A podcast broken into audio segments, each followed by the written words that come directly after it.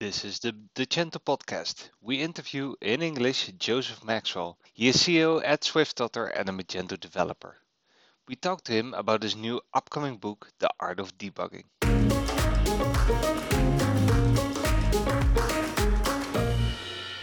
Joseph, thank you for, for joining us today. Um, we'd love to hear more about the book you wrote and, and actually why you wrote this book. Sure. Yes. Uh, thank and thank you for having me on. It's a pleasure to be here with both Sanders and Guido too. So that's that is wonderful. Um, the uh, yeah. So the title of the book is "The Art of Debugging" uh, for e-commerce developers, and my goal in writing this is is I have debugged other people's code and uh, maybe not so much mine. I'm, that would be a joke if that was true. But um, my goal, I, I kept seeing how people or many developers struggle with how to solve problems, how to approach problems, and how to effectively figure out the right solution to that. Um, many developers look at, come see a problem, identify the solution, and then spend 8, 12 or more hours in trying to solve that, uh, achieve that solution when in the reality is that was never the right solution in the first place. And so the art of debugging, my goal there is to help developers give them a framework a mindset, how to approach problems, the framework with which I should approach problems to avoid tunnel vision, to ensure that the proper solution is achieved. And then the last couple chapters of the book are give very practical suggestions on how to solve these problems. So diff- types of problems to solve, uh, and then the tools with which you can solve them. So um, yeah, it's, it's it's been a a huge journey for me over the past I don't know probably 10 15 years specifically, but ultimately over my 20 years of development experience. Uh, and then it's it has just uh, as I've worked with and observed other developers, it's, it's kind of come out of this whole uh, conglomeration of effort. What what made you want to do this as a as a book? I mean, there's so many options these days, right? You could and, and exactly. you also uh, uh, do those many options. So you have a yes. there are podcasts, there are videos. Uh, mm-hmm. Why a book? That's a good question. Well, it's going to be a book and a course. So a course with opportunities to get very, very practical experience on this. Um, I guess with some of the other study guides that I've written, I I find myself expressing myself in written form, uh, in as far as something that is tangible, that is readable. Um, and actually, to this point, I have it's only been ebooks. This book will actually be a physical book and an ebook, um, just because of the value I think that it has for developers as either a gift uh, something that they you can sit on your desk, you can read through it, you can flip through it, uh, and so that you can it's it's tangible there in your hands as well.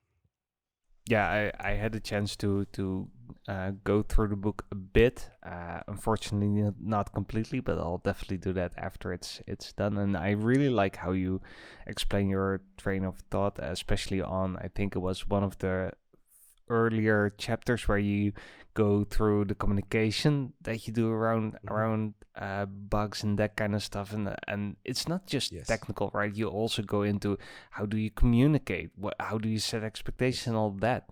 Um how much of a percentage do you think debugging is actually like deep code knowledge and is and how much is just you know having the right frame of mind doing the right communication and all that? Well yeah that's great because ultimately, I, I, I try to make the case in there, and I hope I do a good job of it, that there is a difference between job titles of a developer, whether junior developer, mid level, or senior, and what I call try to make the case for of a great developer. A great developer is somebody who has this mindset, and that's exactly what you're talking about. Um, and, and you can achieve this mindset. You can you can have this mindset no matter whether you are a junior developer, mid level, or senior developer obviously what you're saying there is like like we would think of people who have experience in solving a ton of problems who've worked say 5 or 10 years on a, on a given platform they're, they're yeah they would be a senior developer. But i feel like a lot of these soft skills is what constitutes a great developer and these soft skills are what make a developer manifold times more valuable in uh, his or her role working either with an agency, working with a merchant as a freelancer, it's that mindset, being able to uh, approach a problem and see that problem through to the completion and ensuring that peop- that that all parties are happy through that process. is it because of this greatness? The title is the art of debugging. Yes, yes, I would say so. Yes, because it seems like, and again, in my experience, and, and uh, let me just share a quick story here, um, that I talk about in the book. Uh, a couple years ago, we had a, a we had a, a, one of our clients had wanted to move to a different agency. I'm sure that's fine, so we helped them move. Um, I was on, I was kind of on standby just because I wasn't quite so sure of the technical capabilities of this other agency, but just wanted to be there still as, as a good, the golden rule, good friend uh, to this uh, to this company. We uh, one of their first projects was to upgrade to Mag- from Magento 233 to Magento 234. And that's normally a, was a pretty simple upgrade, not not a big deal.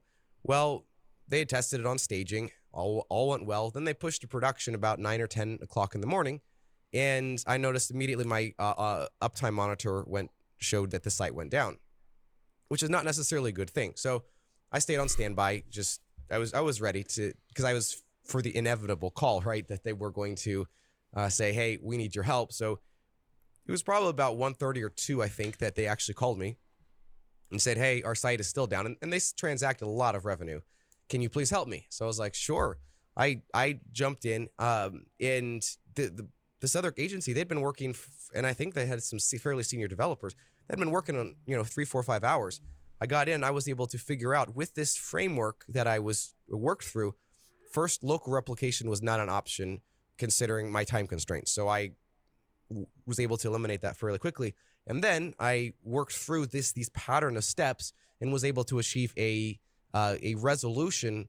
Uh, I think it was within 30 minutes or something like that, and their site was up. So it was it, it, it, it's yes, it is a combination of experience, but my goal is to train up as quickly as possible the soft skills, the methodologies behind that, and of course, experience will come over time.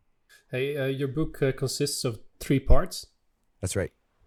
Um, and you say explicitly start with part one, then two, and then three. Not right. skip to the, the good part in part three.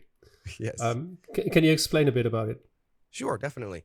D- d- You you never start a movie at the end, Sander.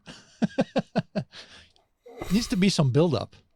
That's right. Dev- That's right. de- developers are really bad at reading manuals, so I think it's good that he explicitly said that. Yes. Yeah, Well, the manual to read the manual, right? Yeah. Uh, well, like I say in the beginning, this book is written to Joseph, to me.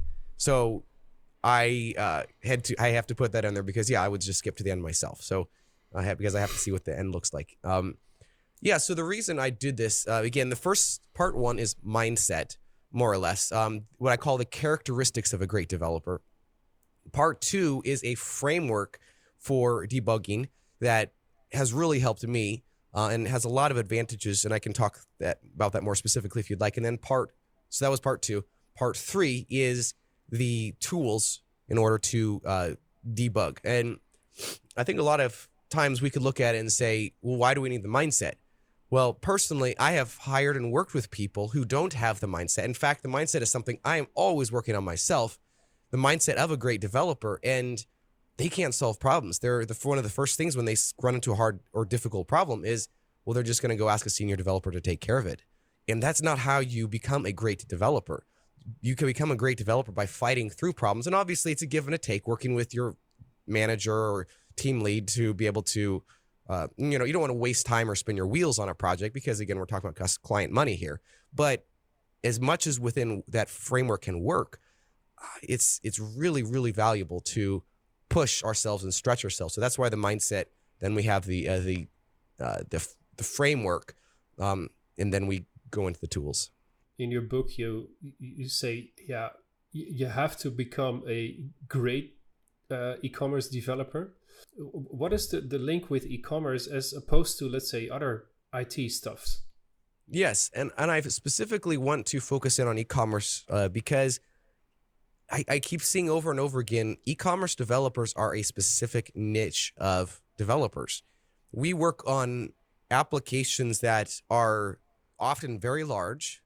Think of Magento, or to an extent, WooCommerce, to a smaller extent, well, somewhere in there, shop uh, Shopware, um, or even Shopify, BigCommerce, all those as well. We work on these big applications, but for very small merchants. So or smaller merchants in some cases, or maybe big merchants. Maybe we just work on one application uh, if, if we're working for a really large merchant. And these applications can almost dwarf the language or the framework that we're working on. So it, in this case, it seems like our our, our skill set is unique in that we are need to be an expert on a ton of different uh, aspects of this platform, uh, and so that's why I focus on the the e-commerce uh, niche, e-commerce developer yeah. niche. Yeah, you also mentioned uh, next to Magento uh, some other platforms. Do you think if you would write this book with uh, some other background, so you're a Magento master, um, suppose now that you were like a Shopify master or something, I don't know if that's a thing. Probably not. Um, would that make the book different or still the same? That's a good question. Um, it will make the it would make the examples in the book different and probably would tweak a little bit of the tools. And uh, from what you're saying there, like uh, on-prem versus software as a service. So, um, yes, coming from a strictly an on-prem or a and a Magento specifically background, the the examples I use are almost entirely Magento, just because that is that's what I've used, that's what I've learned, um, that's what I'm very familiar with. But um, ultimately, uh, the mindset is the same. The debugging framework will be the same. Um, the tools, the last three or four chapters, well, actually, specifically the last two chapters, those will be just a little bit different. And there, but there will be still a lot of tools in there. For example, um, using you know testing APIs, using Postman, that is something that is very valuable on in Shopify or BigCommerce, like software as a service. Um, and maybe to an extent slightly less used on the Magento side, although it, it kind of should be used a little bit more. So the answer is I think there's it, it's it's probably 80 my goal is it was 80% applicable to other e-commerce platforms. Can you uh, already um, for our listeners uh, say something about um, the, the, the stuff we really should pick up from your book, like a very short, short, short summary of the end? Yes, absolutely. Uh, so the big takeaway that I want people to have from this book, other than mindset, again, the, the general themes, but is what the framework in which uh, that uh, the, the debugging framework. I call it the TAD framework, um, and it consists of three steps: take an inventory or take inventory, um, assess or attempt to fix, and do it again. Take in take inventory, uh, attempt to fix, and do it again. And uh, this is probably one of it's easy to look at the tools as being the most valuable, but I believe the framework is the most valuable aspect of this book, simply because um, it will help you solve. It will help you iterate through to you until you get to a solution much faster than without having this framework. Um, besides that, um, I've heard that the, again the tools people have said those are pure gold. I'm talking about using a debugger. I'm talking about um, again debugging APIs, um, approaching problems, and uh, just yeah. Um, so I would say those those are the two probably most tangible, valuable aspects. Mindset would be the most valuable, but that you see that over course of, of years having worked a lot in, in agencies, I know that, that debugging harder problems mostly comes down to the senior developer of, of the agency, right? And and here you see often agencies defining themselves by one or two people specifically in the team. Um, so I think if you are not that that technical as an agency owner, director, what have you, even maybe a project manager, what would you say is the most valuable advice to them to cultivate a good de- debugging mindset in their team or, or, or making sure that juniors are actually debugging well. Uh, it doesn't only come down to the seniors. Yes, I, I totally agree. Um, have it as been somebody I've, you know, owning art agency as well. I, uh, I have some experience in, in that it's, and I'm going to just say it's difficult. Um, so it ultimately comes down to the right people. Um, I have a junior developer. I, I don't think he's a, really is a junior developer who is.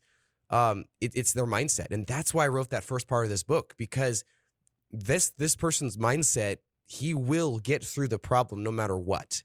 Um, and as such, I feel free to give him more and more difficult problems, which again increases his experience, which makes him is is on that pathway to becoming a senior developer because he has the mindset of a great developer.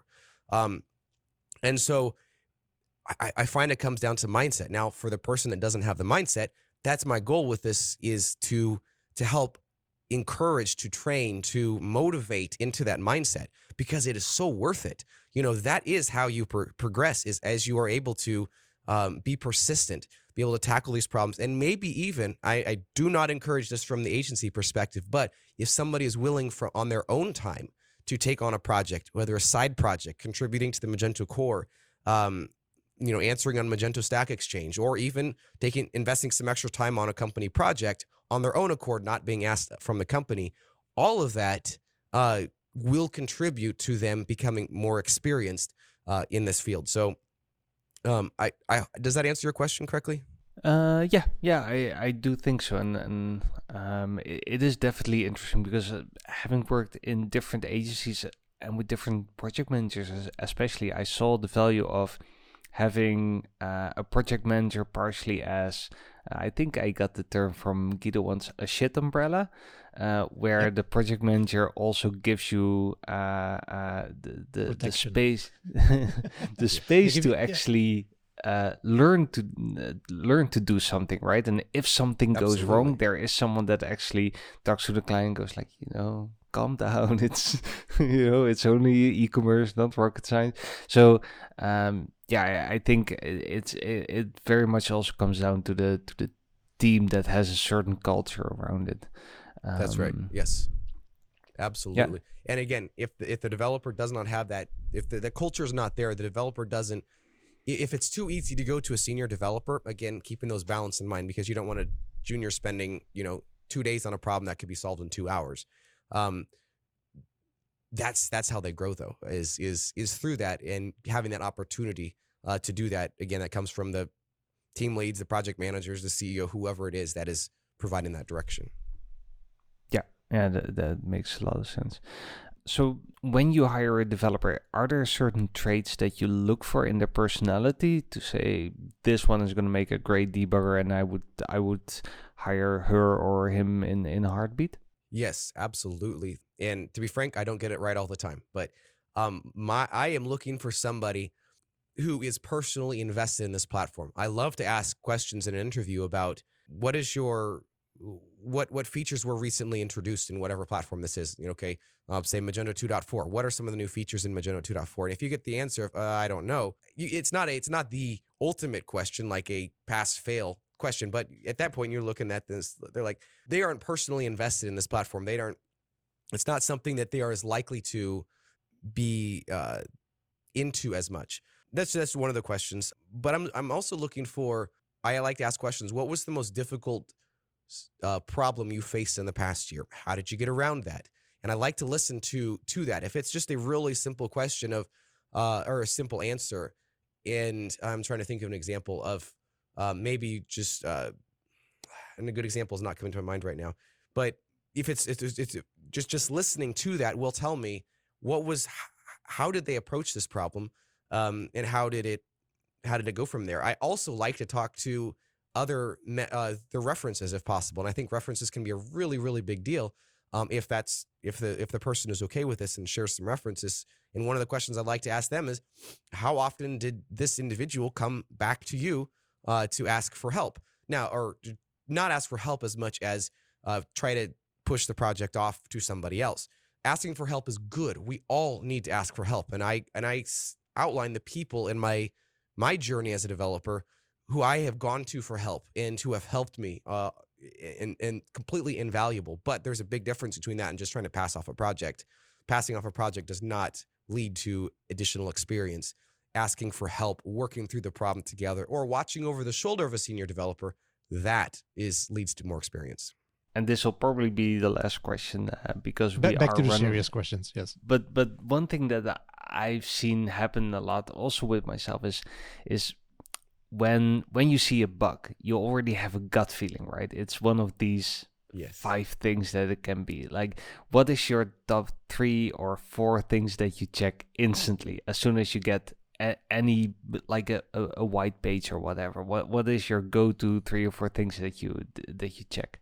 That's an Yes, that's an acquired skill, right? That you have this feeling. I mean, that's, that's not something as a junior developer that you'll have. And that's why I wrote the the, the tools um, section in the back of the book, simply because for those for the junior developers or even mid level developers, having a inventory, a, a, just a list of tools to solve problems can be really helpful. In fact, in chapter seven, I think I break down. I take I went through like 115 of our own internal trouble tickets uh, or, or like bug reports, and I broke them down into different categories and say and gave suggestions on here's how you approach solving this problem. So for like a white page, first thing I would do is go check logs, right? So um, a white page often means it's going to be it's a fatal PHP error, which means that we go check in the PHP logs. Probably not as much like the Nginx or Apache logs, but mm, probably more PHP. It could be uh, the just the error logs in Magento. Um, so like exception.log or sys- system.log, possibly, but um, so it'll be one of those one of those places probably to check. The one thing that I that constantly gets me, I say constantly on a regular basis gets me, is not checking this simplest thing first. So, uh, for example, I let, let's say some functionality is not working correctly, and and I and I'm trying to figure out, okay, why is this not triggering this this event not running or something along those lines, and I spend you know three to four hours troubleshooting it, only finally get to the end of this path, this journey, and find it was a store configuration setting that was that had disabled it in the very beginning. So you know, I I I, I feel like a real hero up until that point, and then I feel like an idiot because I didn't go check something in store configuration at the end, you know, or at the- before I spent three to four hours trying to debug this. So, um, I think my suggestion is always start with the most simple solution first and progressively work to what seems like it, it is the more difficult or the less probable uh, solution. Occam's Right. razor. Exactly. There you go. That's right. Yes. Maybe hold on uh, off on uh, firing up Xdebug first and, and just see if you can flush the cache or something stupid like that, right? That's After- right, and it does work sometimes. Uh, but but I will say this. I will say this. I find that the easy solution is not always the right solution. So it's far too many times have I gone into the database and deleted a row out of the database, only to find that this problem occurred later. And because I deleted this, because I implemented this fix, and this comes back to the whole TAD framework, because I fixed it in the easy way the first time, it actually prevented the long term uh, solution. So um, that's I think that is an important point. Yeah, good one. Yeah, good point. It, it might be the simplest thing causing it, but uh, it's not always a simple thing to uh, to fix it. That's right. So, as a developer, as an agency owner, where do I head to if I want to know more about this book, about the course, about you, um, and all these other questions? Uh, maybe to include it in my Christmas packages that I'm gonna send out end of the year. Uh, you know, what have you? Uh, We'll we'll link to all of those in the show notes. Yes, Of course. Yes, it'll be swiftotter.com slash art of debugging. So book is still a few months out from being fully released, but um, it's I I and what I'm really excited about with this book, it's so it's gonna be a hardcover. It's gonna be a beautiful, beautiful feeling book. Um, we have I have I have commissioned comics to go inside of it, um, illustrations, all that. It's going to be a Nice. as fun of a technical book to read as absolutely possible. So that's I because otherwise I hate reading technical books, and I was determined this is going to be a fun, enjoyable book to read. Oh, it's sold already. cool. Exactly. Sounds amazing. Jo- Joseph, thank you so much for for joining us today. Um, and we're looking forward to the book release. Sounds good. Thank you for having me on. It was an absolute pleasure to see you guys. Doorpraten over deze en meer onderwerpen doe je op de Decento Slack groep. Ga naar decento.org slash Slack en meld je aan.